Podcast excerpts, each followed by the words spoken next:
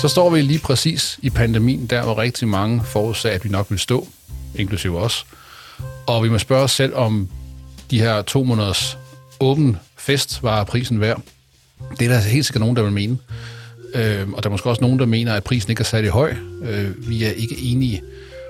Men øh, man må i hvert fald holde op med at klynke, når regnen skal betales for nogle beslutninger, som vi selv og vores politikere har taget. Øh, fordi det er jo et politisk valg om, hvordan vi klarer øh, pandemien her, og det er fint, det skal der være, men vi bør træffe det valg på et oplyst grundlag. Det er der sikkert også mange i politik, der er enige med at sige.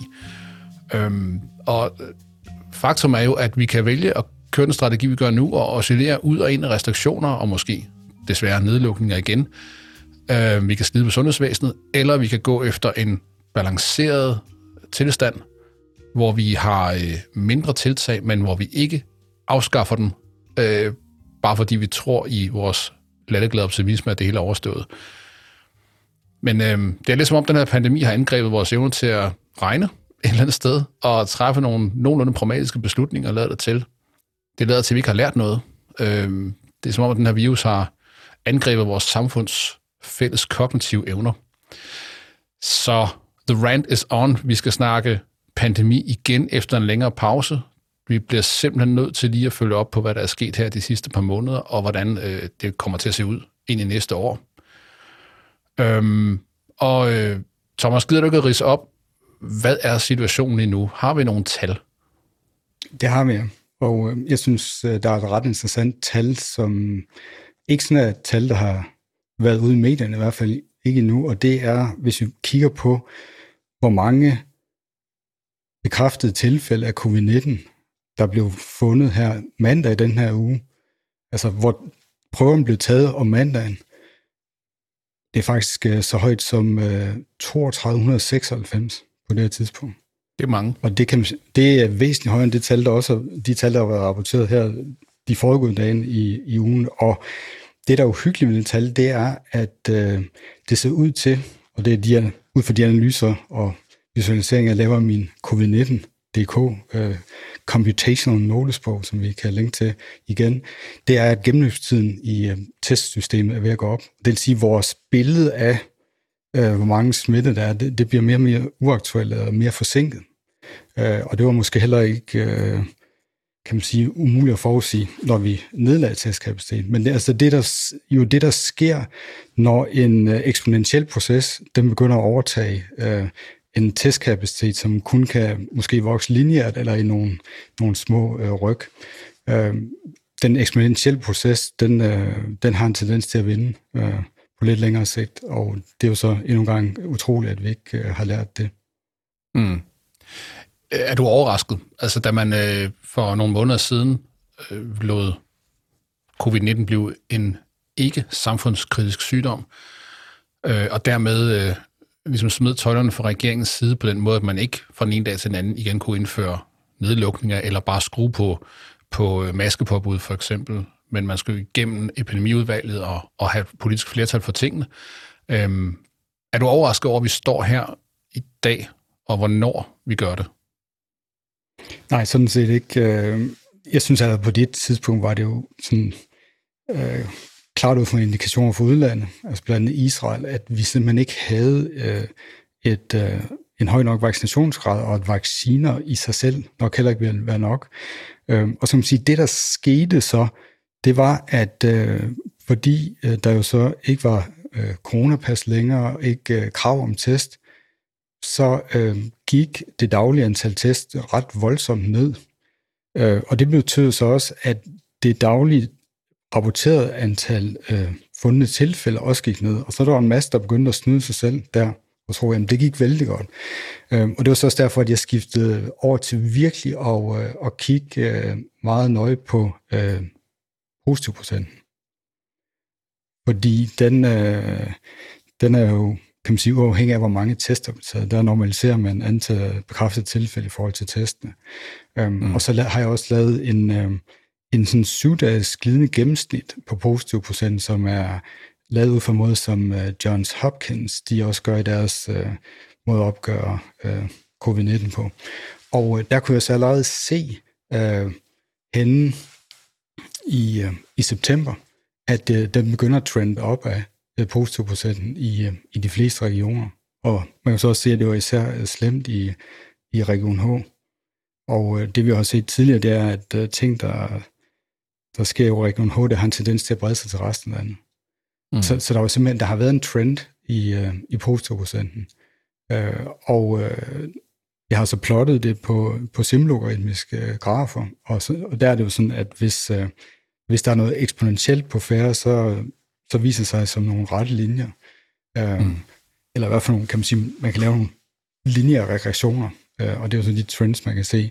Øh, så derfor har det, det overhovedet ikke overrasket mig. Men, men det, man kan sige, det der overrasker, det er jo så, at, øh, at det ikke er noget, der er blevet kommunikeret tidligere, og at, øh, at man åbenbart har stukket sig selv blå i øjnene. Det skal så dog, dog siges, for nogle uger siden begyndte øh, sundhedsminister Heunicke at tweet nogle ting, der måske kunne antyde, at der var nogle folk i, bag ham i apparatet, som var bekymrede. For der begyndte de nemlig at tale om stigende positive procenter.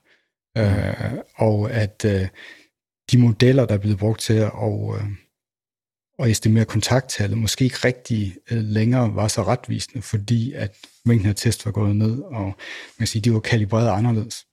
Mm. Øh, så der, der kunne være en indikation af, at der var nogen i systemet, øh, der begyndte at kunne se det også. Øh, men, men derfor så til faktisk at øh, tage konsekvensen af det, der er jo så nok desværre gået for lang tid, fordi... Ja, der er indført noget lag nu, noget delay i selve beslutningsprocessen også, fordi en ting er, at så det kommer vi tilbage til, der er, der er noget, noget øh, latency i de tal, vi får ind. Der er latency i testresultaterne. Øhm, og så har man jo så også ved at øh, øh, ligesom, øh, erklære corona for en ikke-samfundskritisk sygdom, øh, gjort, at, at der også er noget latency i at træffe de beslutninger, der så kan kan gå ud og ændre på de tiltag, som vi har. Øhm, jeg kan godt lige sige, at øh, din, øh, det du, når du hentyder til dit dashboard der, så er det jo din efterhånden fyldige notesbog på observablehq.com, som vi linker til igen i øh, show notes på Twitter, hvor man altså kan få sig et øh, ganske forrygende overbliksbillede over coronasituationen i Danmark, inklusiv fire charts, og et efterhånden ildrødt Danmarkskort. Kan du huske den gang, hvor vi snakkede om øh, bekymringsincidenstal i 20'erne? Øh, jeg kan jo oplyse, hvis jeg holder musen her hen over, øh, øh lad os bare tage en øh, hovedstadskommune som øh, Tornby, jamen vi ligger på 592, snart 593 incidens, øh, syvdagsincidens. Så den er ovenkøbet normaliseret over syv dage.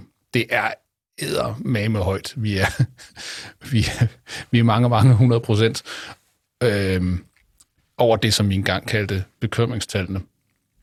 Men, øh, men det, man så siger jo, det er, jamen, vi kan holde til meget højere smittetryk nu, fordi færre folk bliver syge på grund af vaccinen. Det vil sige, at vi får procentvis meget færre indlagte på de smittetal, der for et år siden ville have kostet, altså ville have trumlet sygehusvæsenet med det her. Ikke? Øhm, hvad er din respons til det? Det er også mere at stikke øh, i øjnene. Øh, på os selv, fordi det, der jo sker, det er med sådan en eksponentiel proces, når den først kommer i gang, ikke? det var jo, og der var den snyder, ikke, det er, at når den starter op, ikke, så ser det ud af ingenting. Men når den så først begynder virkelig at vise øh, tænder, så skal vi ikke ret meget længere hen, før så kan vi sagtens øh, belægge og overbelægge den sygehuskapacitet, øh, vi har nu. Mm selvom man kan sige, at gearingen mellem tilfælde og så indlagt er anderledes. Og der er nogen, der snakker om, at, at, der er sket en afkobling på grund af vacciner, men det er der jo ikke, fordi det er også tydeligt jo, at, øh, at, der, at der er stigning af indlagt uh, indlæggelser per dag, mm. og at det fuldstændig trender, så bare med en forsinkelse i forhold til, hvordan det, det trender med, med nye tilfælde. Så, så det er simpelthen bare en anden gearing, og øh, den eksponentielle proces, selvom den er gearet anderledes, jamen så stopper den jo ikke nødvendigvis øh, bare med, med de 900 indlagt øh, igen, hvis vi ikke gør noget andet. Så æder den jo bare sig videre. Ja, ja fordi det, det, der jo så er sket, det er jo det er en eller anden form for misforståelse her. Ikke? Altså lad os nu sige, at, at vaccinen faktisk var hypereffektiv mod smitte sådan at vaccinerede ikke kunne smitte, eller ikke kunne pådrage sig smitte, så havde vi en reel dæmper på smitten. Det ville have været genialt, og det var også det, man håbede på ville ske. Øh, det lader til, at, at der er nok en effekt. Det, øh, folk, der ikke var særlig syge, smitter sandsynligvis også mindre. de spreder mindre virus, fordi virus ikke kan opavles øh, i deres krop, men de kan smitte, de kan bære smitten. Og de kan også blive smittet. Og det vil sige, at vi har sandsynligvis flere asymptomatiske smittere gående rundt, som ikke bliver særlig syge, og det er jo godt, de ikke bliver det, men det betyder, at vi på en eller anden måde, så længe vi kigger på antallet af indlagte som en meget, meget væsentlig kopi, hvad der specielt i oppositionen er en tendens til, jamen så, så, har vi, så, så er det lidt et røgsløb, vi lægger for os selv. Ikke? Fordi bag ved det tal med de indlagte og, og folk på intensiv, der vil smitten kunne vokse øh, næsten mere ubemærket, end den kunne før. Øh, og det vi så gjorde, da antallet indlagte faldt, det var, at vi gav køb på et af vores vigtigste måleinstrumenter, nemlig testen. Vi skar ned på antallet af testcentre. Vi sagde til folk, de skulle lade være med at teste så meget, for det er for dyrt. Vi gjorde det besværligt at blive testet.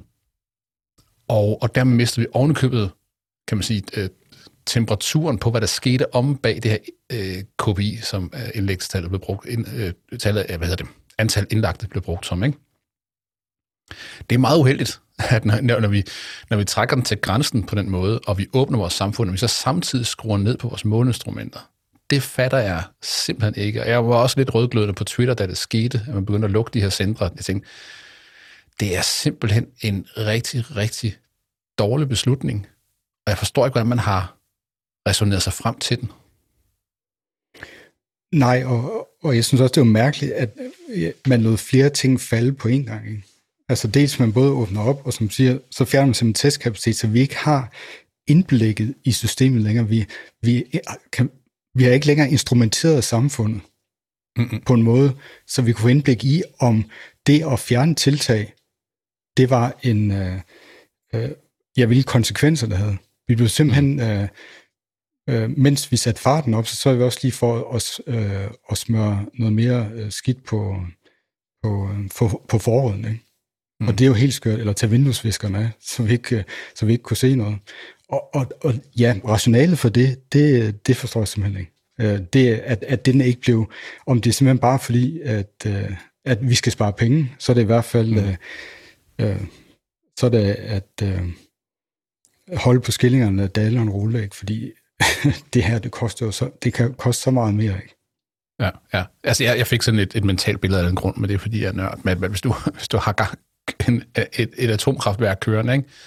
Og, øh, og du får installeret nogle nye sikkerhedsmekanismer og nogle ventiler og sådan noget der, så, så det kan tåle lidt højere tryk, øh, så tænker du, jamen så kan vi godt slukke for halvdelen af termometerne undervejs, fordi så er det lidt lige meget, hvor varm kernen bliver. Og så kan det godt være, at du får en meget ubehagelig overraskelse på et tidspunkt. Jeg tror ikke, det handler om pengene med de her testcenter, hvis jeg skal være helt ærlig. Fordi jeg tror alle, begge sider af midtergangen i Folketingssalen, er, de ved udmærket godt, hvordan økonomien hænger sammen her. Det er ikke et nulsumsspil, og der, øh, vores økonomi i Danmark er fin. Og øh, der er råd til både at hælde 19-20 milliarder i retning af minkbønderne osv.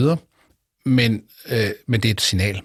Det handler simpelthen om at prøve at signalere normalitet, og vi kommer ind på det her mystiske frihedsbegreb, som bliver trukket igen og igen, at bare tilstedeværelsen af testcenter eller tilstedeværelsen af masker i, i det offentlige rum, får nogen til at føle sig presset på friheden. Øh, som Susanne Brygger så rigtigt skrev her forleden dag, så har man da godt nok, man får føle sig meget ufri, hvis, hvis nogle tiltag som masker gør, at du, at du føler dig... Øh, øh, og, og vaccination i øvrigt øh, gør, at du, at, at du føler din frihed under angreb, øh, eller noget, den dur. Øh, men, men jeg tror, jeg tror, at det er sådan et eller andet prøv at imødekomme den her idé om, at, øh, at øh, nu er vi som fri igen, og vi skal ikke se på hvide telte i, øh, i øh, parken, og, og hvor de ellers stod. Og det bliver noget underligt symbolpolitik, det må jeg sige. Altså, øh, fordi jeg, jeg, jeg tror simpelthen ikke på, at man øh, har troet i Sundhedsministeriet øh, eller andre steder, at, at det var gjort med det her, at vi ikke skulle give op for de her testcenter igen. Og man har jo også bare holdt dem standby, man har haft kontrakterne kørende. Højninger sagde ret hurtigt efter, øh, at vi, vi åbnede, jamen så sagde han, at de her testcenter kan være op og rulle igen på ingen tid. Og det vil sige, der har, der har ligget en retainer, og det har kostet penge undervejs. Så hvorfor? Altså, hvorfor ikke, som du siger, holde gang i instrumenteringen, når du begynder at presse systemet til grænserne. Det er uforståeligt. Ja, altså også at, øh, at vi efter så lang tid med pandemien stadigvæk tror, at øh, man kan tale ting bort, øh, eller at et frihedsbegreb, der cirka lige så moden som øh, treårige børns, at, øh, at det skal have lov til at styre. Øh, jeg tror, vi er en del, der synes, at, øh, at sådan noget som, øh, som masker og, og test, det vil skabe mere frihed. Øh, blandt andet mine forældre, der ikke kunne komme til deres øh, barnebarns øh, fødselsdag øh, på grund af et udbrud på, på en skole osv. Altså, hvad, hvad er frihed, ikke? Og der er jo aldrig noget, der, der er absolut frihed findes jo ikke øh, til, at, til at gøre præcis, hvad man har lyst til, øh, fordi vi lever sammen. Øh, og, mm. og der tror jeg, at øh, der er et eller andet, vi kan, tror jeg, vi kan diskutere lidt senere i forhold til, hvordan man i dansk politik øh, fortolker, øh, hvad potentielt flertallet af befolkningen i virkeligheden øh, godt kunne tænke sig i den her øh, sammenhæng, og så hvad nogle få siger. Men øh, der ligger måske en, en, en større dynamik her, som vi lige skal have frem også. Øh, mm-hmm. Når vi talte om, om den kvantitative udvikling, eller dynamikken i pandemien øh, før, øh, så vil jeg lige øh, fremhæve en, øh, et arbejdspapir fra Santa Fe Institute, som, som vi har nævnt forskellige gange helt tilbage i starten af, af den her serie, og det er en, der hedder John Mark, som, som skrev helt tilbage meget tidligt i pandemien, øh, om nogle, øh, noget modellering, han har lavet. Og øh, den modellering, den, øh, den var ikke øh, i absolut tal, i den forstand, at, øh, at den skulle forudsige præcis, hvor mange hospitalsindlæg det ville være, eller hvor mange smittetilfælde der ville være. Men det, han kiggede på, det var den helt overordnede samfundsmæssige dynamik. Og det er sådan set, den vender jeg tilbage til gang på gang, øh, fordi de, de, altså, de modeller, der prøver at sige noget meget specifikt, de er udfordret af kompleksiteten af det her problem. Men øh, han havde simpelthen fået lavet en model, som på et meget overordnet og næsten kvalitativt niveau i forhold til dynamikken i systemet, har været ekstremt øh, øh, brugbar og også, øh, kan man sige, nedslående. Og, og det han gjorde, det var, at han, øh, han øh, lavede en model, hvor at, øh, at grundlæggende set, så handler det om jo, at øh, virus har dens R0, dens øh, grundlæggende kontakttal, og det er jo sådan, der er også blevet højere med, med delta mm. og mm. deltas varianter. Øhm, og det vil jo hele tiden prøve at presse kontakttallet op over et. Det er det, virus gerne vil. Og det er jo så det, vi har set. Hvis, hvis man ikke dæmper det på et eller andet fasong med ja. tiltag af social eller fysisk art. Præcis. Og det, og det, øh, det er så, øh, det nummer R0 der, det er, det er meget, meget, altså det, det er svært at, at, at estimere, og det er jo så netop, hvordan vil virusen opføre sig i en fuldstændig øh, øh, subsibel øh, befolkning, øh, uden at man kan gå nogen tiltag. Mm. Så den, den prøver at presse den vej op, og det er jo så det, jeg også har kunne se i, i positivprocenterne her de sidste par måneder, at virus prøver at presse op der. Øh, og så, øh, så sker der jo så det, at, øh, at konsekvenserne af at bare lade den løbe løbsk, er jo så øh, øh, problematisk, at så bliver samfundet nødt til at skride ind. Det øh, vurderede han så også i model, og så får man presset kontakttallet ned over en, og så kommer det, der er ret centralt i hans model, hvor han siger, at så kommer der et øh, socialt pres, øh, politisk pres, øh, fra forskellige grupperinger i samfundet, forskellige særinteresser, som så siger, jamen nu er vi jo i en aftagende epidemi, så kan vi godt fjerne tiltagene. Og hvad sker der så? Så får virus øh, mulighed for at begynde at presse kontakttallet op over en igen. Og det, der jo er virkelig nedslående, det er, at, at vi er gået i fælden to gange nu. Vi gik i fælden sidste efterår, og vi er gået i fælden igen. Og, og John Mark, han lavede modellen, der sagde, at vi ville gå i fælden øh, for halvandet år siden. Men, men han, øh, har ikke, øh, han tager ikke hensyn til, at, at vi har et system, som i sidste ende kigger på belastningen af sygehusvæsenet. Og, og, og, og siger, så så mange hundrede mennesker indlagte, øh, så begynder vi at gøre noget, fordi nu begynder det at blive for hårdt. Man, man betragter antallet af indlagte, og i nogle mere radikale tilfælde antallet af døde, øh, som den, den, den, den, egentlige, øh, den, den egentlige KPI, i stedet for at se smitten i sig selv som et problem. Og vi har jo normaliseret smitten. Altså nu har vi jo, øh, det er der nogen, der helt bevidst vil jo, øh, at sige, smitten er, er der bare, og, øh, og, og den må vi leve med, som man siger. Øh, og, og så kigger man på de her øh, afledte tal, som, som antal indlagte, og introducerer jo dermed også en yderligere latency i systemet, fordi fra folk bliver smittet til nogle af dem bliver indlagt, og måske ovenkøbet til nogle af dem dør, der går altså noget tid, og det vil sige, at vi er endnu længere bagefter at få styr på det her. Og det er lidt utroligt, at altså, det er jo ikke raketvidenskab, trods alt. Det er jo en ret simpel mekanisme, det her. Men at man ikke har, øh, har lært af den, eller til synligheden i hvert fald ikke har lært af den i dansk politik, eller de rådgiver, der sidder bagved, må man gå ud fra, at er mærkeligt, altså, synes jeg. Øhm, og jeg er ikke typen, der begynder at tænke, ligger der hemmelige agendaer bagved, men øh, kan, det, kan det tilskrives dumhed, det her, så skal man jo gøre det, men, men jeg ved det sgu ikke. Jeg, jeg synes, det er, det er besynderligt. Det er virkelig besynderligt, at man ikke har lært noget. Nu er vi øh, altså snart to år inde i det her, ikke? Ja, så jeg anser det som sådan en, øh, en grundlæggende fejl. Og det, det er jo ikke mig, der har fundet på den pointe heller. Den, øh, den er også kommet fra øh, udenlandske epidemiologer og andre forskere. Det er, at det er som en grundlæggende fejl, at vi lader sundhedsvæsenet, øh, især sygehusvæsenet, håndtere et folkesundhedsproblem. Fordi det er jo egentlig ikke det, vi skal bruge vores øh, specialiserede øh, sundhedsvæsen til, altså sygehusen til. Øh, det skal være absolut sidste stopklods, inden det går helt mm. galt. Mm. Det, det tror jeg, mange sygeplejersker vil give dig helt ret i efterhånden. De er ret trætte af at bagstopper oven købet vil mange mene underbetalte bagstopper, nedslidte bagstopper for noget, der kunne være stoppet længe før.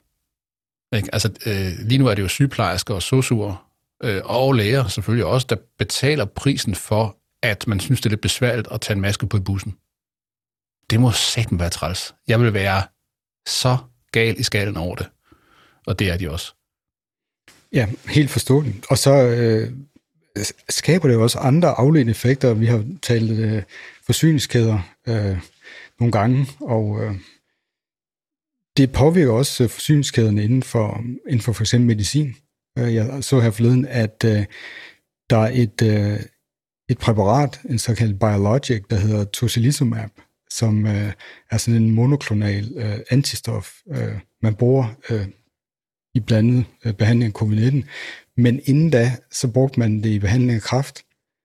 Og øh, nu er der ved at være en øh, global mangel på tocilizumab. Fordi covid-19-patienterne, de æder øh, de doser, som kræftpatienter ellers kunne have fået. Og hvor mm. kræften er noget sværere jo at øh, behandle eller undgå, så kunne covid-19 jo være undgået, hvis man havde stoppet smitten. Så der, der nu er der nogen, der øh, potentielt set jo kommer til at, at dø af kræft, som, øh, som ikke havde behøvet det, hvis ikke der havde været covid-19-patienter, der, har, der havde brugt den tocilizumab, mm. som de skulle have haft. Ja. Altså prisen for det her er ikke de kontanter, vi skal hælde efter diverse bønder, øh, eller vi skal bruge til testkapacitet, eller som vi skal give til restauranter og underholdningsbranchen, som, som er svært ved at overleve. Og det er i et samfund som vores, synes jeg er helt, helt reelt, at, at vi understøtter den form for, for forretninger, øh, når sådan noget her sker. Ikke som for at råde brud på en beslutning, som det bliver fremlagt, at Nå, nu har statsministeren besluttet det, så hun sørger mig også hellere at hoste op. Nej, simpelthen fordi, at, at vi skal være klar til den her form for force majeure, som, som øh, en, en virus og en pandemi er. Men kun så længe, at, at den ligesom bliver, øh, er der. Ikke? Altså, vi skal også gøre noget for at fjerne den igen. Vi kan jo ikke blive ved med at betale for de, alle de her ting. Men den re- reelle pris, og det er der, jeg vil hen, det er, det er den, som vi sender ud på øh, øh, systemet. Altså systemiske pris, der skal betales øh, ved for eksempel, at vi ikke kan behandle folk med andre sygdomme, øh, at, at flere bliver uarbejdsdygtige af den grund, øh, mental øh, sundhed, som lider, og, øh, og selvfølgelig ikke mindst, måske allermest, den næste generation, som er et eller andet bizarre grund, stort set ikke bliver nævnt af politikere. For når vi, hvis vi kigger hen over demografien på det her, så er den jo helt klar. Ikke? Det er jo ikke, det er jo ikke øhm, også øh, vaccinerede vælgere, der, der går og bliver rigtig syge af det her. Det er uvaccinerede, og det er børn, som ikke endnu ikke kan vaccineres, fordi øh, man hænger lidt i bremsen med de godkendelser. Så øh, det, det er en reel pris, og den ignorerer vi. Og det synes jeg er jo skamligt. Det er jo vores børn, man snakker om her, ikke? og de bliver eddermame syge. Øh, måske ikke mange af dem fysisk så syge, men de render rundt med virus i kroppen, og de risikerer sine følger. skolebørnene, de er vidderligt blevet, øh, blevet kanonføde i den her. Ja, og det, det har vi jo nævnt før, og jeg synes simpelthen, at det, det er moralsk forkasteligt, at, øh, at vi gør det. Også, øh, som nævner ikke, der er klinisk forsøg, som er faktisk ved at afslutte, øh, og, og godkendelsen er på vej igennem i USA til børn, så hvorfor kunne vi ikke blive ved lige med at gøre noget øh, for at øh, for at sikre nemlig de næste generationer? Det, det, det forstår jeg heller ikke. Men, men der har jo været, og det har jo også været en grundlæggende fejlantagelse siden starten af epidemien, om at, øh, at der var ikke evidens for, at, øh, at børn de øh, smittede særlig meget, og at de heller ikke blev særlig syge. Ligesom man også mente, der ikke var evidens for, at virus var i luftbåret. Og man mente, at der var evidens for, at det var øh, særligt kontaktsmitter, der drev smitten. Der var mange fejl, som vi ligesom bare holder fast i. Fordi man vil ikke indrømme, at man tog fejl. Ja, og, og altså det er også ubegribeligt, ikke? At, at det er vigtigt åbenbart at holde fast i det, og som noget, som måske så er bekvemt, og det er så måske der, hvor at, at, at der er et eller andet omkring det samfundsøkonomiske, hvor at man, i Danmark, det er jo svært, hvis børn de skal være hjemme, så er det svært for forældrene at deltage i, øh, i, øh, i økonomien. Men problemet er jo så bare, at, at, at børn bliver smittet alligevel, og så bliver øh, forældrene også bedt om at skulle være hjemme i isolation, og det er jo det, der er i gang med at ske. Det gør de faktisk og, og, ikke, og det er jo så endnu mere rystende, men, øh, men der er ikke længere en henstilling til, at forældrene bliver hjemme, hvis deres børn er smittet. Hvis du er vaccineret, så er du velkommen til at tage ind på arbejdet, fordi man mener ikke, at vaccineret smitter eller noget.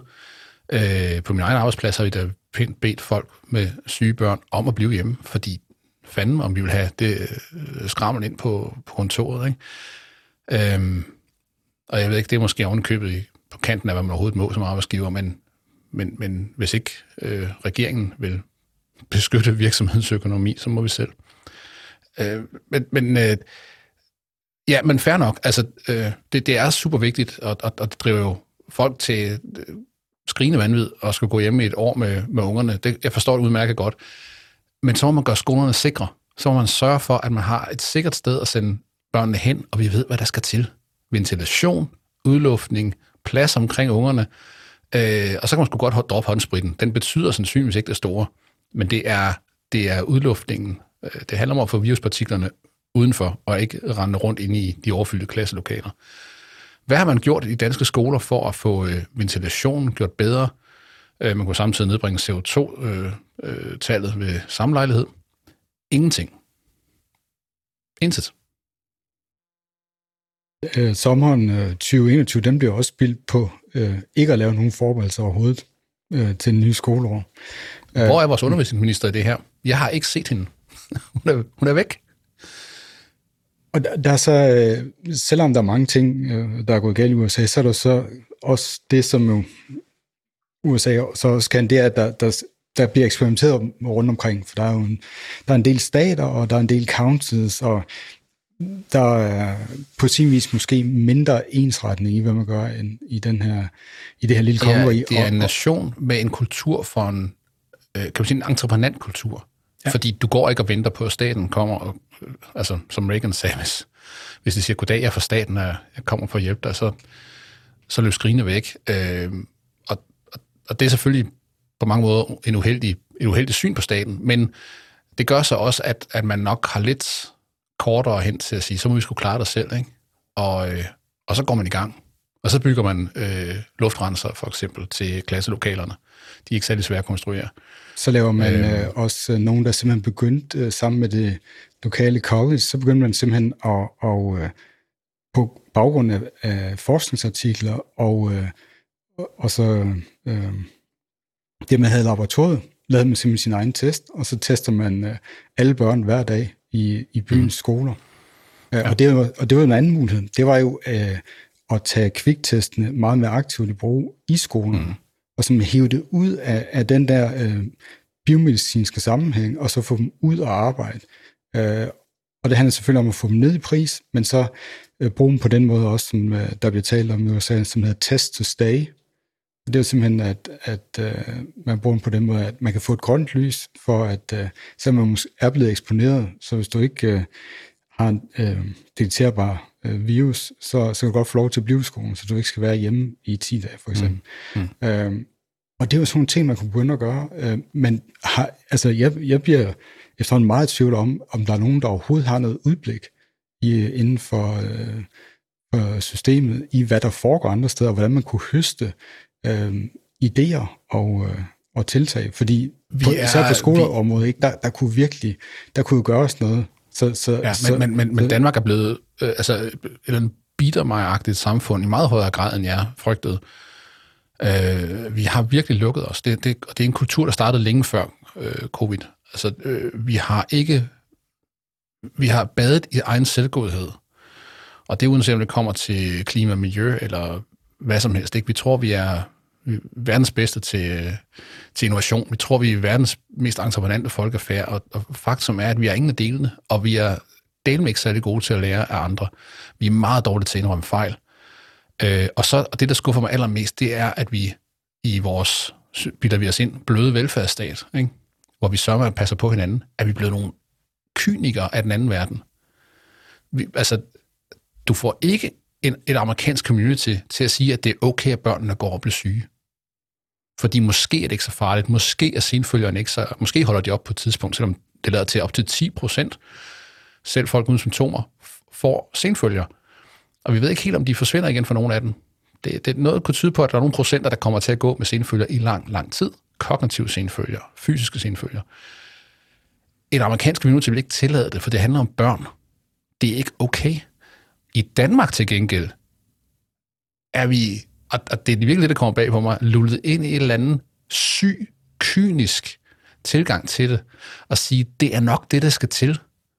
Ikke? Vi skal bare smide den til at rulle igennem næste generation, så kan øh, de fede øh, rødvinsfordrukne øh, vælgere jo ligesom måske holde for døren. Ikke? Altså lige så panisk vi var, da de gamle begyndte at dø af, af covid, lige så iskolde er vi nu, når børnene bliver syge af det.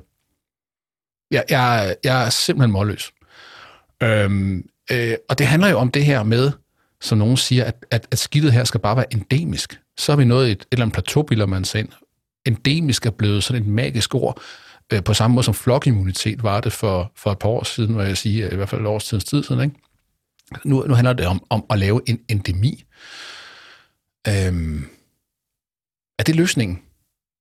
Er det at opnå en, hvad kan man sige, en, en, en, en rullende øh, smitteudvikling i, i samfundet, som, jeg ved ikke, hvad den skal føre til, men nogen mener, det er løsningen.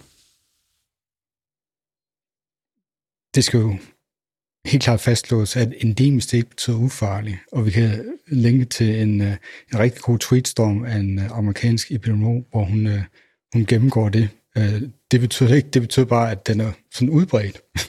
Og, ja. og, og HIV, den sorte død var endemisk i, var, i flere år i Europa. HIV-AIDS øh, er også til det er også en endemi, ja. en, endemisk i Afrika og andre steder. Så, så, så det bygger på en antagelse, som øh, som det så også igen kan være øh, farligt øh, at tro på, kan man sige, solopgangsscenariet. Og det er jo det også, der er blevet gjort en del gange, der er blevet, øh, vi har forfaldet til øh, ønsketænkning, i stedet for at tænke på, hvad er det værste, der kunne ske her, og så øh, gøre noget, så vi kan glæde os over bagefter, at det værste ikke kommer til at ske. Øhm, fordi det, det jo lader til, det er, at den der befolkningsimmunitet, det er jo også øh, lidt er øh, et blålys. Der er øh, studier fra blandt andet Iran, der tyder på, at der i mange egne af Iran, der har folk i gennemsnit haft over to gange. Folk har måske haft det tre gange. Det kan øh, øh den her sygdom lade det til øh, sådan, øh, rase igennem øh, de samme befolkninger flere gange. Og det er jo så også det, som... Ja, mens den raser igennem, så er der jo dejligt miljø til, øh, til mutationer, ikke? Altså, vi glemmer jo, at jo mere smitte der er, selvom smitten ikke er symptomatisk, så hvis vi opretholder lige nu over, over 3.000 nye smittede om, om dagen, jamen så er der masser af spændende menneskekroppe, den her virus kan mutere i. Og det gør den. Altså, øh, det gør virus, og det, det gør øh, SARS-CoV-2 jo til synligheden i, i ekstraordinær hurtig grad. Øhm, og så, øh, og, og, og eftersom de mutationer, de øh, vil overleve, hvis de finder nye emner at, øh, at øh, smitte, jamen så vil de mutationer, der kan smitte, igen øh, have en bedre chance end de mutationer, der ikke kan smitte en allerede øh, immunkrop. Det giver sig selv.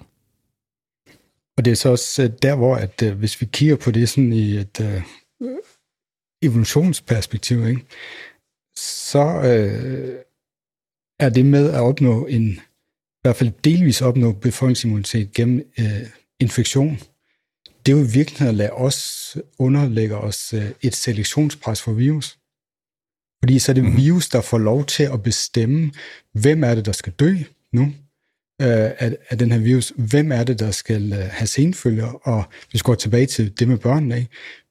Hvem er, hvilke børn skal have senfølger, måske på en måde, så de har nedsat kognitiv funktion, så de ikke lærer det, de skal, så de øh, ikke får den tilværelse, de kunne have fået, de ikke realiserer deres potentiale. Måske endda øh, børn, som øh, får påvirket deres fertilitet, øh, så de ikke øh, selv kan få børn. Og det er jo simpelthen, mm. det er jo selektion. så sker der selektion. Og så det vi gør ved at lade virus være endemisk, det er, at vi siger, vi siger sådan til virus, du kan få lov til at bestemme, øh, hvem der skal have lov til at overleve her, og, og hvem der skal have lov til at øh, og, og, og selv få afkom. Øh, ja, det er jo en rimelig hardcore darwinisme øh, fra et velfærdssamfunds side. Ikke? Det er jo sådan en form for øh, eugenik, som øh, man så bare lader ske. Præcis. Og, og, og, og det synes jeg, at øh, også ligesom dig, er, er egentlig uhyggeligt, at det, at det viser sig, at den form for tænkning, eller en tænkning, der har de konsekvenser, lader til at være ret øh, fremherskende. Ja, mm. også, også i, også i sådan, uh, sundhedsvidenskabelige uh, apparat. Det er som om, at, at det, alt det er blevet til statistik. Ikke? Jamen, øh, der er altid en vis procentdel, der skal være syge, og der, der er også en vis procent, der skal dø, og så videre. Så, så det må vi jo mm. bare sådan rent og sidste år døde der så så mange tusind mennesker af influenza, i år dør de af noget andet, og så videre. Men jeg, jeg tror blandt andet, nu siger du det her med, at man skal ikke sætte biomediciner til at, at, at styre den her slags på, på samfundsplan. Øhm, og, og det er måske også fordi, at der, og nu får jeg måske nogen på nakken, ikke, men der er altså hos, hos nogle mediciner en, det ved alle sgu, der enten er familie med eller kender læger, de har en vis kynisme indbygget. Det tror jeg, du skal have, hvis du skal se syge mennesker, døende mennesker hele tiden. Du skal træffe nogle svære valg.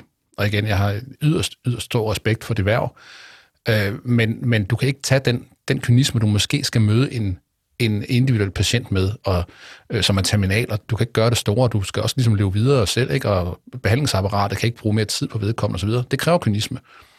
Men hvis du flytter den kynisme op på, på øh, samfundsmæssigt plan, når vi snakker om millioner af mennesker, så får den en helt, helt anden øh, grusom effekt. Øh, det er, at du ligesom er klar til at tage et tab. Øh, og hvis man så samtidig som mediciner glemmer, at man selv er menneske, og øh, må, måske har sådan et eller andet så mange har i den her situation en opgivende attitude, ikke? Altså, vi skulle trætte, ikke? Og jeg trætte det hele. Altså, så lægger vi os ned på ryggen som samfund, og, øh, og siger, så må, det, så må det gå, som det går, ikke? Altså, det er jo, der er nogle sindssygt fatalistiske tendenser i det her, hvor man siger, nå, ja, men sådan er det nok bare, ikke? Øh, lidt det samme som i klimadebatten, ikke? Nå, jamen, altså, jorden bliver varmere, ja, det er også noget lort, og øh, mange mennesker bliver klimaflygtninge, men sådan er det nok, ikke? Og det er ikke engang sikkert, det var egen skyld, og vi kan alligevel ikke gøre noget nu. Og, og det er, jeg synes bare, det er skuffende at se så store mængder mennesker øh, give op. Øh, altså, du ved, bare piv.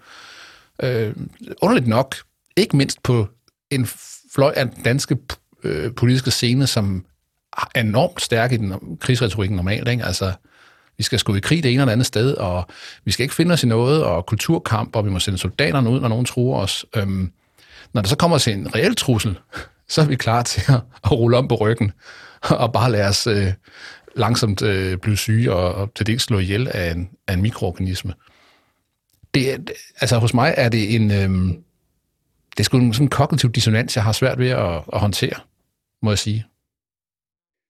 Jamen lige, på lige hive tilbage til det med, med man kan sige, så den, det. Ja, den lægefaglige øh, bias, der ligger der. Øh, og, og jeg tror, du har fat i noget fuldstændig rigtigt der, som er, at, at, øh, at deres billede jo simpelthen er skævret af, at, at de omgås syge mennesker hele tiden. Ja, syge individer. Syge individer. Og, ja. og, og med sin statistik, som så er interessant at, at hive ind i den overordnede sammenhæng, det er jo så middellevetiden. Og der er kommet nogle opgørelser her øh, inden for sidste øh, dage også, hvor det ser ud til Danmark sådan lige klarer sig igennem med, at middellevetiden i løbet af pandemien hverken er steget eller faldet.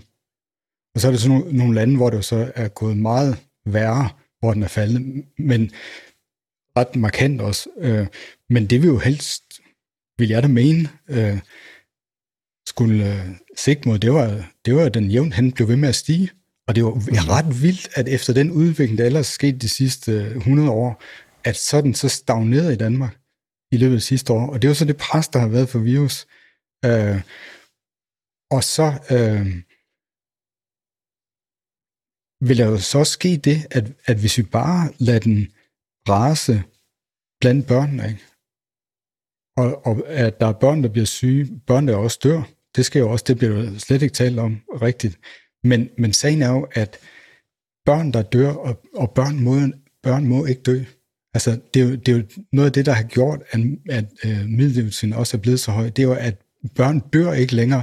Så, så dem, der også prøver sådan at undskylde, jamen, at, at ligesom, der er jo også nogle børn, der skal dø. Nej, børn skal faktisk slet ikke dø. Det skal ske så uhyggeligt sjældent. Øh, for ellers så slår det også igennem på den, på den middellevetiden. Og hvis børn får øh, øh, kronisk sygdom, ikke, så skal de jo leve med øh, potentielt med senfølger eller øh, mm. andre afledte effekter af, af covid-19 resten af deres liv, og det giver rigtig, rigtig mange år med syg, øh, sygdom. Ikke? Øh, og måske det, det, med, med selv, også. Ikke? Det er det, jeg mener med selvfed, men jeg, jeg tror, og, og det er ikke for at blive ideologisk eller politisk her, mere end hvad godt er, men, men det er jo en trend, vi har set. Ikke? Altså, øh, vi har jo ovenkøbet en socialdemokratisk regering, og hvis der var mærkesager for, for Socialdemokratiet for år tilbage, så var det altså fattigdom. Det var, øh, det var børnedødelighed, det var, øh, det var middellevealder. Det var, det var det, der ligesom kendetegnede det, øh, den form for velfærdssamfund, som man stræbte imod. Det var de her meget håndgribelige tal, som man kunne skrue på. Og det var sgu ikke, øh, at, at folk skulle være specielt lykkelige. Det var sådan en meget materiel, hardcore tilgang til tallene. Øh, og, og, og det øh, har jeg på mange måder haft respekt for, ikke? Øh, fordi det er nogle gode tal at styre efter som samfund. Men hvorfor, har man, hvorfor giver man køb på det? Hvorfor, hvorfor, er, øh, hvorfor har det til synligheden, øh, er det til synligheden vigtigt at kigge på øh, ejendomspriser, eller hvad det ellers er, vi går og bruger tiden på, eller juristerier omkring øh, øh, en skide minksag og sådan nogle ting. Ikke? Altså, det, det, det er virkelig som om fokus er flyttet fra det, som, som drev den type parti for år tilbage, og så er vi blevet øh, super malige. Altså, vi er jo åbenbart klar til at give køb på nogle af de vigtigste øh, tal på et samfund, der ligesom kendetegner, hvad det er, vi kan, øh, øh, for ikke at forstyrre vores normale dagligdag alt for meget. Ikke? Eller tage en maske på, eller tage en test mere, eller... Altså, det er, det er en, en virkelig, virkelig mærkelig prioritering, og den virker meget, meget kortsynet. Du fik så nævnt øh, nogle mink, og øh, ja, ja, det bliver der nok også nødt til lige at runde jo. Uh, mm-hmm. Og, og, og der står vi jo et uh, interessant sted, synes jeg, hvor at, at det lader til, at uh, der er sådan store dele af det uh, politiske, uh, juridiske kommentariat, der har svært ved at forstå, at to ting er sande på en gang. Og den ene ting, det er, minkbesætninger i Danmark udgår en sundhedsrisiko for hele befolkningen sidste år, og måske endda for hele verden. Det er to, alle jo faktisk enige om. Det var højrefløjen også dengang. Og to, den måde, det vi går på, var et major fuck-up. Og, og, øh, og de to ting ja. passer sådan set, øh, de kan godt være sande samtidig, og det mener jeg også, de er. Ja. Øhm, og, og, og, og en del af det, øhm, kan man sige, fuck up, det var jo, det tog så lang tid at få gjort noget ved det. Og det var derfor, det også det blev så stort et problem. Øh, for det var et problem, der bryggede siden. Det bryggede sådan, vel cirka siden juni eller sådan noget, hvor der begyndte at ske ting i Jørgen Kommune. Og hvor. Jørgen øh, Kommunes borgmester, Anne han jo så også øh, prøvede at råbe vagt i gevær. Mm. Øh, men, øh, men der var et eller andet i systemet, som gjorde, at man åbenbart ikke kunne finde ud af at få taget sig ordentligt af det. Og så endte det jo så med, at det blev så et akut problem derhen i løbet efter. Mm. Og så, Men så er det godt, man havde forberedt sig lige siden juni, ikke? Så alt, alt det juridiske var klar. Nå nej, wait a moment. Og det er jo så der, hvor at, at uh, i stedet for at, at tale om sms'er nu, så synes jeg, der var noget meget mere interessant, som uh, pressen kunne tage fat i, og det var det er det forløb. Hvorfor var man så dårligt forberedt? Der, er et eller andet, der var et eller andet, der gik helt galt i stadsadministrationen. Ikke? Uh, fordi jeg ville have troet, at øh, det sådan var oplagt, at øh, hvis man kunne se sådan et problem, der begynder at brygge der, at, øh, at så man lige tog fat i sådan noget som statsretskontoret i Justitsministeriet, så de lige kunne lave det notat, som lige laver det juridiske grundlag for, hvorfor er det her i orden, så det lige lå klar i skuffen, så man hive det op. Øh, men det havde man jo ikke fået gjort lavet til. Øh, og, øh, og så det andet spørgsmål, det var også det, hvorfor, øh, hvorfor fandt man ikke rigtig ud af, hvordan det smittede mellem de her minkbesætninger? Øh, og der har jeg, så, jeg, noget jeg godt kunne tænke mig at se pressen på i stedet for øh, noget med sms'er, det var, var det simpelthen øh, de menneskelige sundhedsmyndigheder, SSI, øh, SST, der fik bundet de veterinære myndigheder en dårlig historie på ærmet om øh, dråbebaseret øh, og kontaktbaseret smitte, mm. i stedet for det, der jo nok virker til at være helt oplagt med minken også, nemlig øh, det aerosolbaserede inhaleringsbæden. Mm. Og at, Som på, kan smitte på kilometers, kilometers afstand. Det kunne øh, principielt også, men også man tænker mm. i forhold til de folk, som var i kontakt med de besætninger, øh, mm. folk, der kom med øh, foderstoffer og alt sådan noget. Ikke? Øh, hvis, hvis ikke man fortalte de der øh, minkavlere, at de skulle tage, øh, træffe foranstaltninger mod en luftbåren smitte, jamen så er det da klart, hvorfor at det lige pludselig kunne at, at sprede sig på den måde. Så jeg vil meget hellere se, at, at medierne de gik, øh, de gik kød på den problematik, fordi det er jo mm. noget af det, der kan forklare, hvorfor at det lige pludselig blev til sådan en, øh, en akut ting, i stedet for noget, man havde fået ordnet meget tidligere. Mm. Men, men det, er, det er virkelig... Øhm, det er næsten blevet et emne, som man ikke må berøre længere, ikke? Fordi så er man jo også blevet sådan lidt pessimist. Vi skal ikke være pessimister. Vi skal jo tro på det her. Øhm, og, og, øh, og det er jo vidderligt lykkes, hvad der er helt vildt. Altså så sent som på, på, på, på pressemødet for få dage siden, ikke? Var man, øh, talte man ikke om, om øh, luftrørsmitte. Vel, altså, jeg tror, det blev sagt, at vi skal lige huske at spritte hænderne af og sådan noget. Men masker blev ikke nævnt. Øh, ventilation i skolerne blev ikke nævnt. Skolebørn blev nævnt, men det var mest fordi, at, at når de render rundt og syge, så er der sådan en spillover-effekt på kernevælgerne, og det er noget værre noget. Ikke? Det kan vi ikke have. Så derfor må vi sørge for, at kernevælgerne får det tredje skud, så de ikke bliver smittet af deres børn og børnebørn. det, er, det er sådan en, en, en underlig logik, synes jeg. Øhm, ja. Og så øh, øh, er der jo så sket det, at øh, nu er corona igen en øh, samfundskritisk sygdom, og øh, fra i dag af er det på mundbindene vrøvl på med coronapasset. Ikke mundbindene af anden grund, selvom de virker. Men vi skal finde coronapasset frem igen, og øh, hvis vi skal på bar eller restauranter. Og, øh, og, og, og det er jo epidemiudvalget, der nu afgør det, fordi regeringen kan jo ikke, når corona ikke er en samfundskritisk sygdom, øh, indføre nogen som helst øh, tiltag, før den igen er en samfundskritisk sygdom. Men det er så øh, den, den modus, vi er i nu. Øhm, regeringen fik ikke lov til at gøre corona samfundskritisk i fire måneder, men epidemiudvalget gav lov til, at man gjorde corona samfundskritisk i en måned. Øhm, og det er så, da jeg tænker, at øh, en måned, så er vi inde øh, lidt over halvvejs i december. Og øh, ja, knap, knap nok endda, knap nok i halvvejs inden december. Og øh, er, er, er vi på den anden side der? Er smittetallet faldet hen over vinteren, øh, uden andre tiltag end coronapas? Jeg tror det ikke. Jeg kan ikke se nogen som helst grund til at skulle tro på det. Og det vil sige, at Epidemirådet skal igen om kort tid træde sammen og forny det her mandat til regeringen. Øh, hvad de, tror jeg, sandsynligvis også vil gøre. Øh, det, jeg ville frem til her, det var, at øh, jeg tog lidt forskud på vores rant øh, på Twitter for et par dage siden, og øh, øh, skrev jeg jo skuffet over, at øh, epidemiudvalget ligesom gør det her til sådan et partipolitisk spil, og siger, okay, vi, vi smider kødben til regeringen, men, øh, men ikke mere end det, fordi så må de øh, satme holde sig på stikkerne og opføre sig pænt, ellers så hiver vi tæppet væk under indsatsen. Øh, og jeg fik øh, øjeblikkeligt svar fra øh, en af de, synes jeg, mere fornuftige og øh, ikke mindst sympatiske politikere, øh, Stinus fra det radikale venstre, som er deres sundhedsordfører, som siger, at øh, jeg er fuldstændig misforstået, hvad det handler om det her. Øh, og jeg synes, det, lad os lige tage fat i den, bare fordi det er sådan en god nuancering af, hvad er det, der sker på den politiske, på indersiden af dansk politik, øh, øh, hvordan ser det ud udadtil. Øh, og, og kort opsummeret, så mener Stinus Lindgren, at, at netop det ved at give regeringen en meget kort mandat, øh, vil gøre, at man tvinger regeringen til, og det står i den øh, tekst, som Øh, udvalget har udfærdiget, at, øh, at man forventer en, øh, en afrapportering på effekten af de her tiltag. Øh, og den skal jo så falde hurtigt, fordi den kun har en måned at gøre det på. Og, øh, og det kræver transparens, for at regeringen kan forvente, at epidemiudvalget igen forlænger mandatet, måske med en måned mere, og så fremdeles.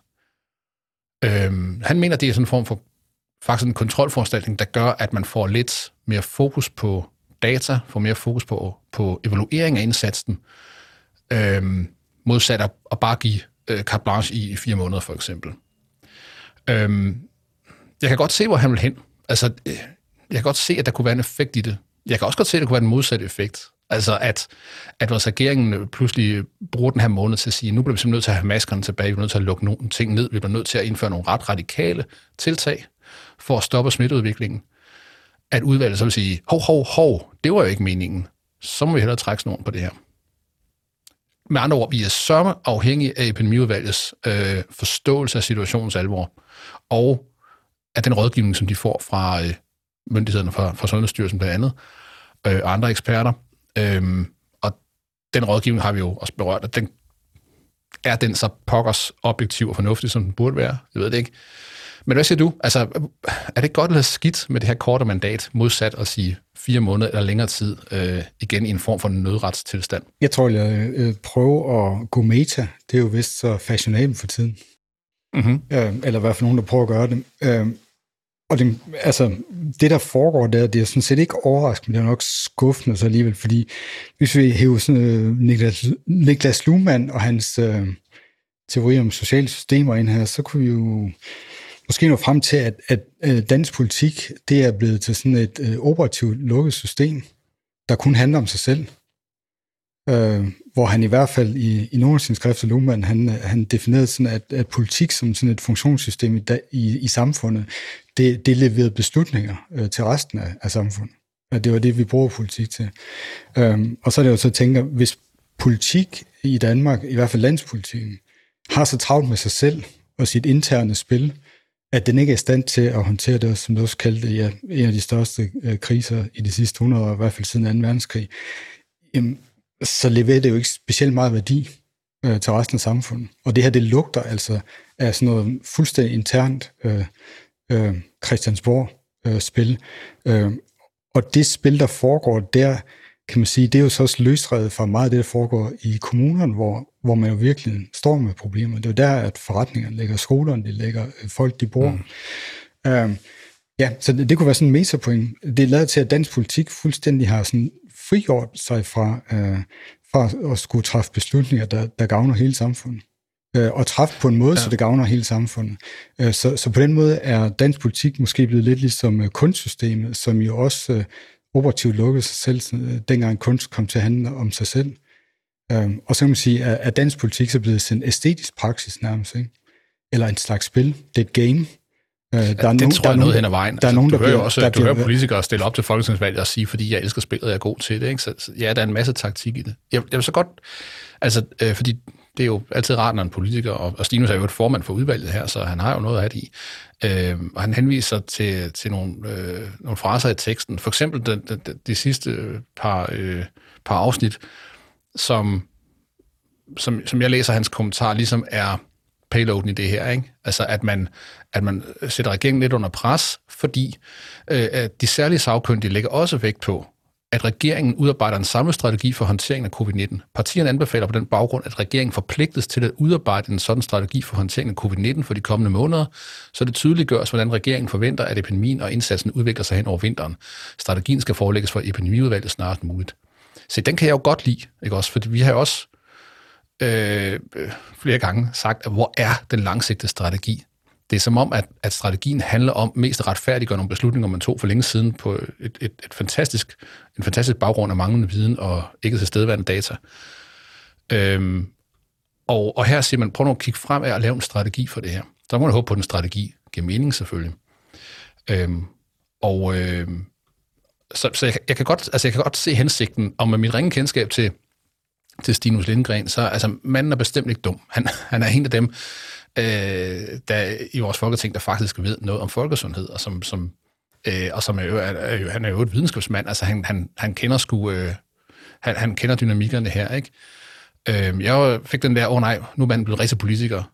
Øh, men jeg må sige, han, han, han bider fra sig på Twitter, og han, øh, han siger, at hensigten med det her er, øh, er ikke at øh, underkende alvoren af, af, af pandemien. Og, og, og som jeg kender ham, så mener jeg, det gør han heller ikke. Han, er, han ved godt, det her det er alvor.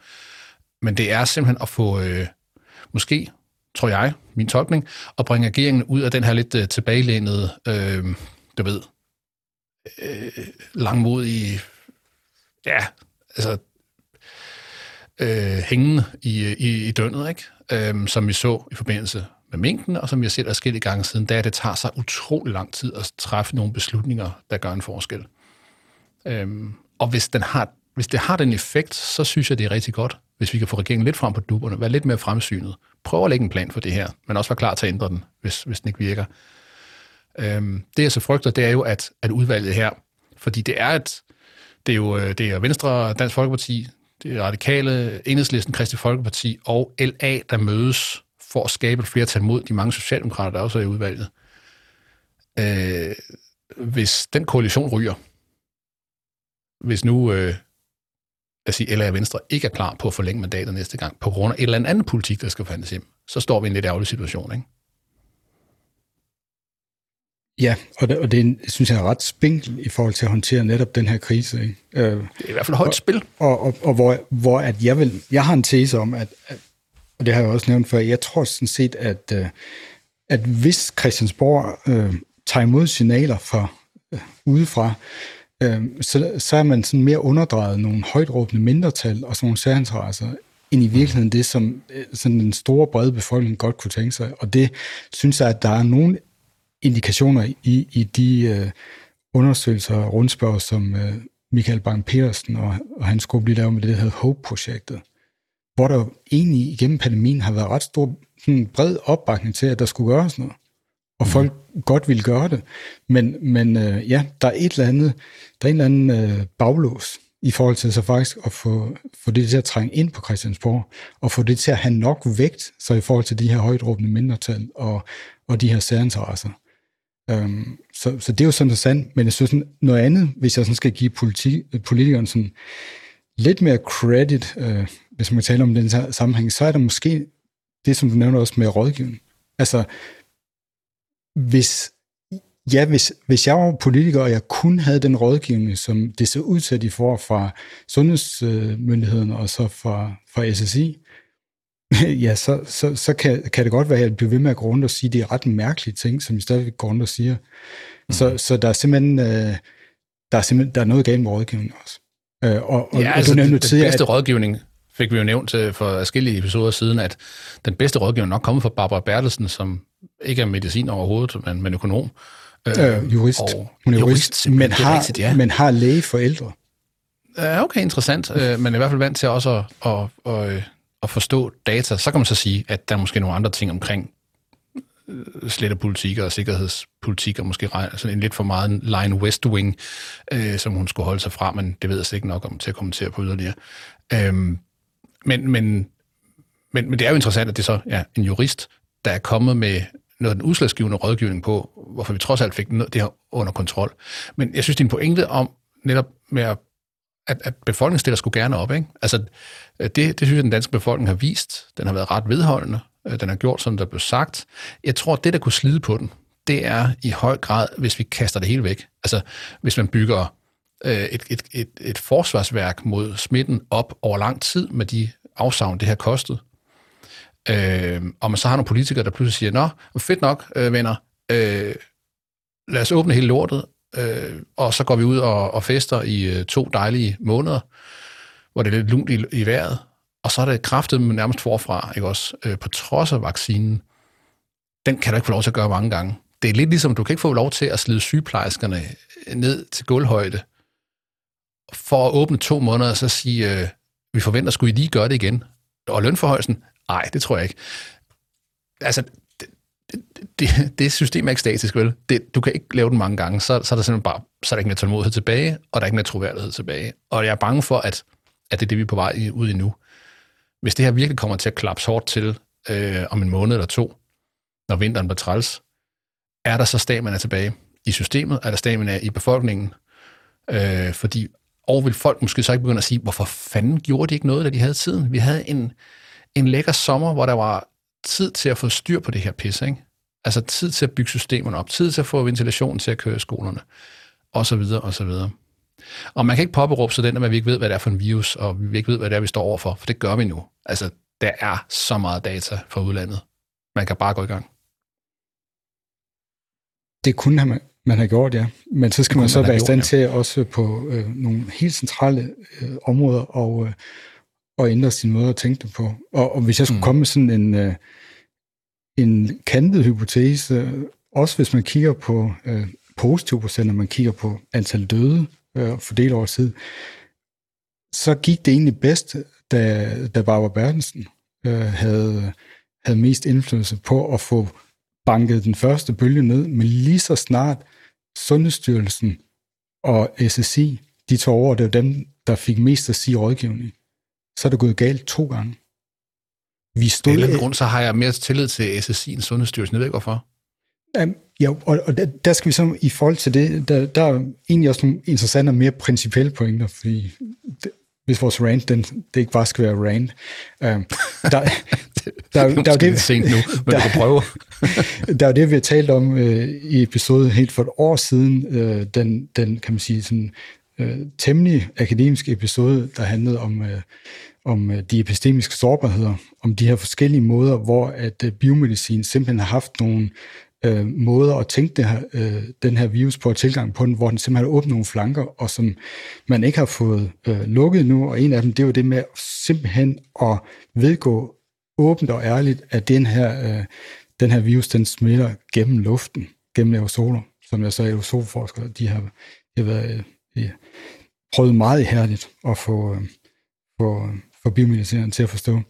Øh, men, men der ligger under det et problem om det her evidensbegreb, som folk jo så også er kommet til at kende i almindelighed. Og, og som du ved, så vidste jeg allerede, inden det her gik i gang, og det var også derfor, jeg kunne se nogle meget tidlige signaler på, at der er uler i mosen. Det var, jeg har sådan set kritiseret det evidensbegreb i 10-15 år, fordi jeg ved, at øh, når man siger evidens inden for biomedicin, så mener man noget meget specifikt, og noget desværre efterhånden temmelig begrænset. Øh, og øh, det er jo så, ja, ikke den eneste, der siger. En, som faktisk har vendt sig mod det evidensbegreb, det er Tricia Greenhalgh, som jeg nævnte tidligere som professor på Oxford, øh, og som har været med til at, hun var med til at skrive ind i de første lærebøger i evidensbaseret medicin. Hun, hun siger simpelthen også, at, at, øh, at i mainstream evidensbaseret medicin har man simpelthen fået et tunnelsyn på, hvad evidens er. Og, og det man, kan man sige, kort træk gjort, det er, at man har taget en måde at finde en øh, evidens på, som de her øh, lodtrækningsforsøg, randomiserede kontrollerede forsøg, som i virkeligheden bliver brugt til at lave bekræftende eller afkræftende forskning, undersøgelser på øh, medicinsk intervention. For eksempel noget, noget, et, noget medicin eller vaccinerne, der er lodtrækningsforsøg, og det er jo en intervention. Og så kan man så lave sådan et, et øh, lodtrækningsforsøg, for, fordi man ikke i alle tilfælde, faktisk ret sjældent inden for medicin, har helt styr på mekanismerne. Derfor bliver man lavet, nødt til at lave sådan et forsøg, hvor man, øh, man, øh, man ryster posen, så at sige, for at finde ud af, hvorvidt om den intervention, man kommer med, den faktisk er den, der gør forskellen, eller om det er andre forskelle mellem patienterne, såsom hvilken socialklasse de tilhører, eller om de har haft andre tidligere sygdomme, eller hvordan de spiser, eller om de ryger osv., om det er det, der gør forskellen. Problemet er bare, den måde at, øh, at finde evidens på, den, øh, den dur ikke så meget, når der kommer noget helt nyt fra virkeligheden imod os. Og hvor det handler om at udforske, hvad er den her ting?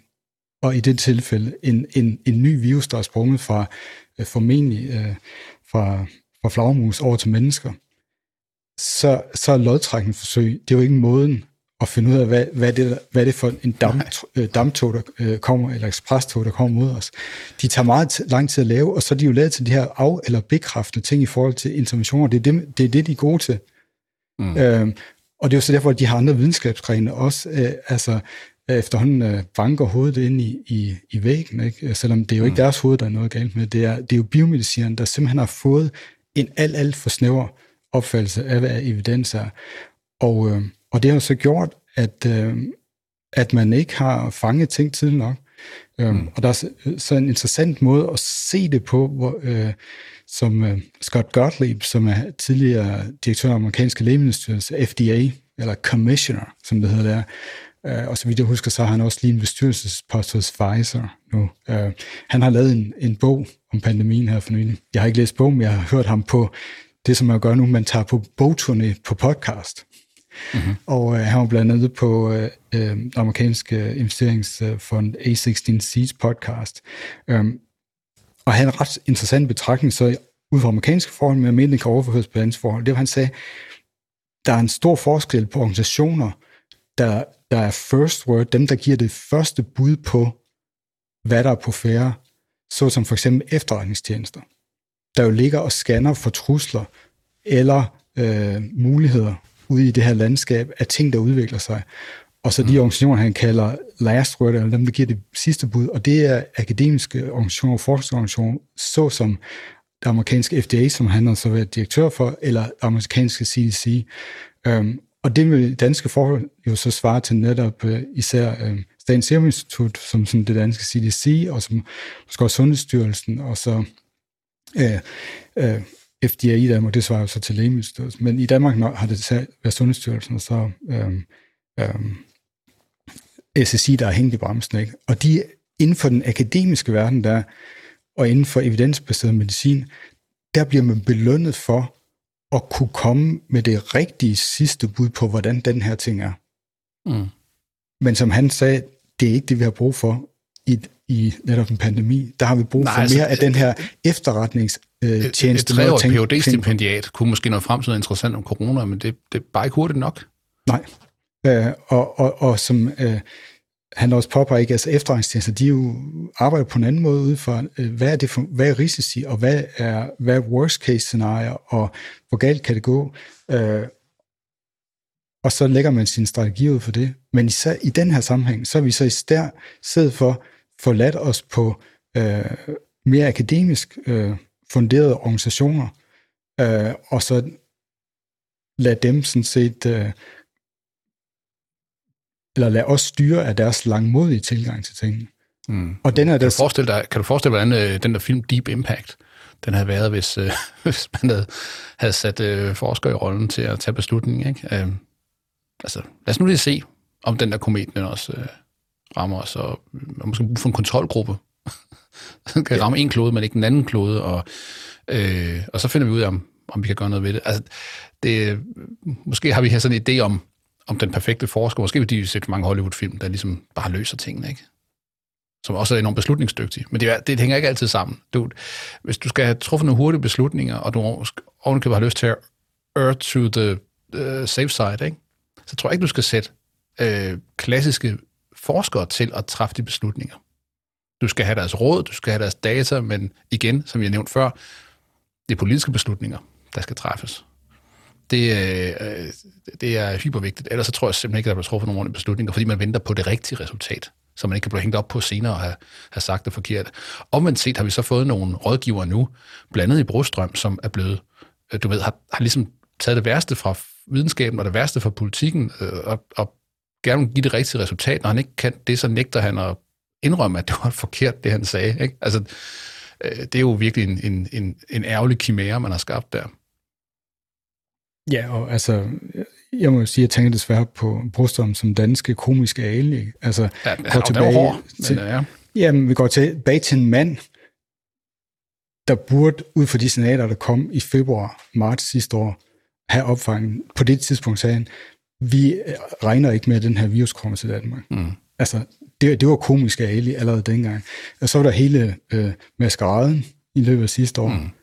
Øh, igen, hvor at et, den mere mil, efterretningsagtige militære tilgang vil sige, okay, vi står for den her trussel, øh, vi ved ikke, om fjenden har panser, eller om der er artilleri, eller om der er missiler og sådan noget, men øh, så må vi hellere gå ud fra, at der er, den har de her øh, karakteristika, og så kæmper vi ud for det, indtil vi så finder ud af, at der måske ikke er panser eller maskiner. Men i stedet for at give ud fra, Nå, men det, den her virus, det må være let fodfolk, let infanteri, ligesom med influenza. Fordi det er det, vi kender. Mm. Så jeg mener helt klart også, altså, hvis vi sådan skal give politikerne sådan lidt, uh, lidt snor, så er det måske, at, at de simpelthen får for dårlige rådgivning. Ja. ja, jeg må desværre skuffe dig lidt ved at sige, at, at, at, at den der... Øh, lad os hellere være sikker i tilgangen. Lad os, lad os, øh, lad os hellere gå lidt for langt i tiltagene. Øh, den, den, den er sgu ikke øh, noget længere. Der står den jo også i notatet, øh, indstillingen fra øh, epidemiudvalget, at øh, partierne noterer sig også, at de særligt sagkyndige, og det må vi nok gå ud fra, er Sundhedsstyrelsen blandt andet og SSI, at de særlige sagkyndige udtaler, at en eventuel eskalation af tiltag for at reducere smittespredningen sker gradvist, og at det er afgørende, at det forklares, hvorfor der eskaleres. Det vil sige, at man er ikke klar til at slå hårdt ned på smitten, men man vil skrue langsomt op. Og det er her, hvis det er biomedicinere, der udtaler sig her, så udtaler de sig om noget, der overhovedet ikke har noget, der intet har med deres felt at gøre. Fordi de siger så, at for de antager, at for at få en vis øh, troværdighed for befolkningen, i befolkningen, at for at befolkningen med på det her, så skal man eskalere gradvist og forklare grundigt. Det er fint at forklare grundigt, men, men det er jo en politiker, der skal, der skal sige det. Det er en politiker, der skal afgøre, at vi bliver nødt til at eskalere gradvist, eller at det er nødvendigt at eskalere benhårdt. Øhm, det må du ikke overlade til sundhedseksperter. De skal sige, hvad er der brug for, ikke hvordan befolkningen vil tage imod det. Ja, og her, altså, man har fuldstændig misforstået, øh, og, øh, hvordan man øh, bekæmper en eksponentiel proces. Altså, den, den billigste og letteste måde at gøre det på, det er at gå øh, hårdt, hårdt ind tidligt. Ja. Og, og, og vi og så, kan, hvis man, man ikke har forstået det forsigtigt. Ja, og man ikke har forstået men, det. Men her skruer vi langsomt op, og så øh, næste gang gør vi nok, som vi gjorde her for nogle måneder siden, stopper alt på en gang. Ja, og man ikke har forstået ja. det efter over halvandet år, det er simpelthen ugrimeligt. Og det er derfor, det er simpelthen dårligt rådgivning. Man har simpelthen ikke forstået, hvad den grundlæggende dynamik i det her fænomen er. Og at der ikke er selv fra SSI nogen, der har kunne forklare det i, øh, i sådan forståelige termer, det, mm. det forstår jeg simpelthen ikke. Det, jeg, jeg ved ikke, hvem de særlige sagkyndige er her. Det kan også være, at det er jeg ved ikke, om de er sociologer indblandet, eller om det er økonomer, eller hvad det er. Men jeg vil da gå ud fra, at når de omtales som særligt sagkyndige, at det hovedsageligt er biomediciner, fordi det er det, man har lænet sig op, op imod øh, indtil nu. Ikke? Altså, hvis vi skulle se lidt større perspektiv, så kan vi uh, citere, uh, eller parafrasere det, der hedder uh, Joyce Law, sådan inden for computerverdenen, softwareverden. Uh, Bill Joy, han, uh, han sagde noget i stil med, at uh, han havde indset, at uh, alle de bedste folk altid arbejder for nogle andre. Og ja. den tror jeg simpelthen, vi kan overføre på den situation og sige, hvor, hvad er sandsynligheden for, at et lille land med 5,8 millioner mennesker har lige præcis den ekspertise, der skal til for at bekæmpe en virus, som man så 10-12 år, ja, 20 år tidligere så i Asien. Mm-hmm. Hvorfor har vi den ekspertise? Jeg tror, de bedste folk, de arbejder for andre. Og det skulle man nok tage notits af. Skulle man nok. Silberbauer og Blomstedt er en samtale om systemerne, videnskaben og mønstrene bag fænomener og teknologier, der præger alt fra vores dagligdag til menneskehedens ultimative skæbne. Har du kommentarer eller spørgsmål til episoden, du lige har hørt, så find os på Twitter på snabelag silberblom eller på Facebook kom slash silberblom. Begge steder poster vi kilder og andet indhold, som er relevant i forbindelse med vores episoder. Coverart deler vi på Instagram, ligeledes på snabelag silberblom. Og hvis du kan lide det her podcast, så vil vi blive lykkelige for stjerner på Apple Podcast, eller hvis du blot deler podcastet med dine venner. Tak fordi du lytter med. thank you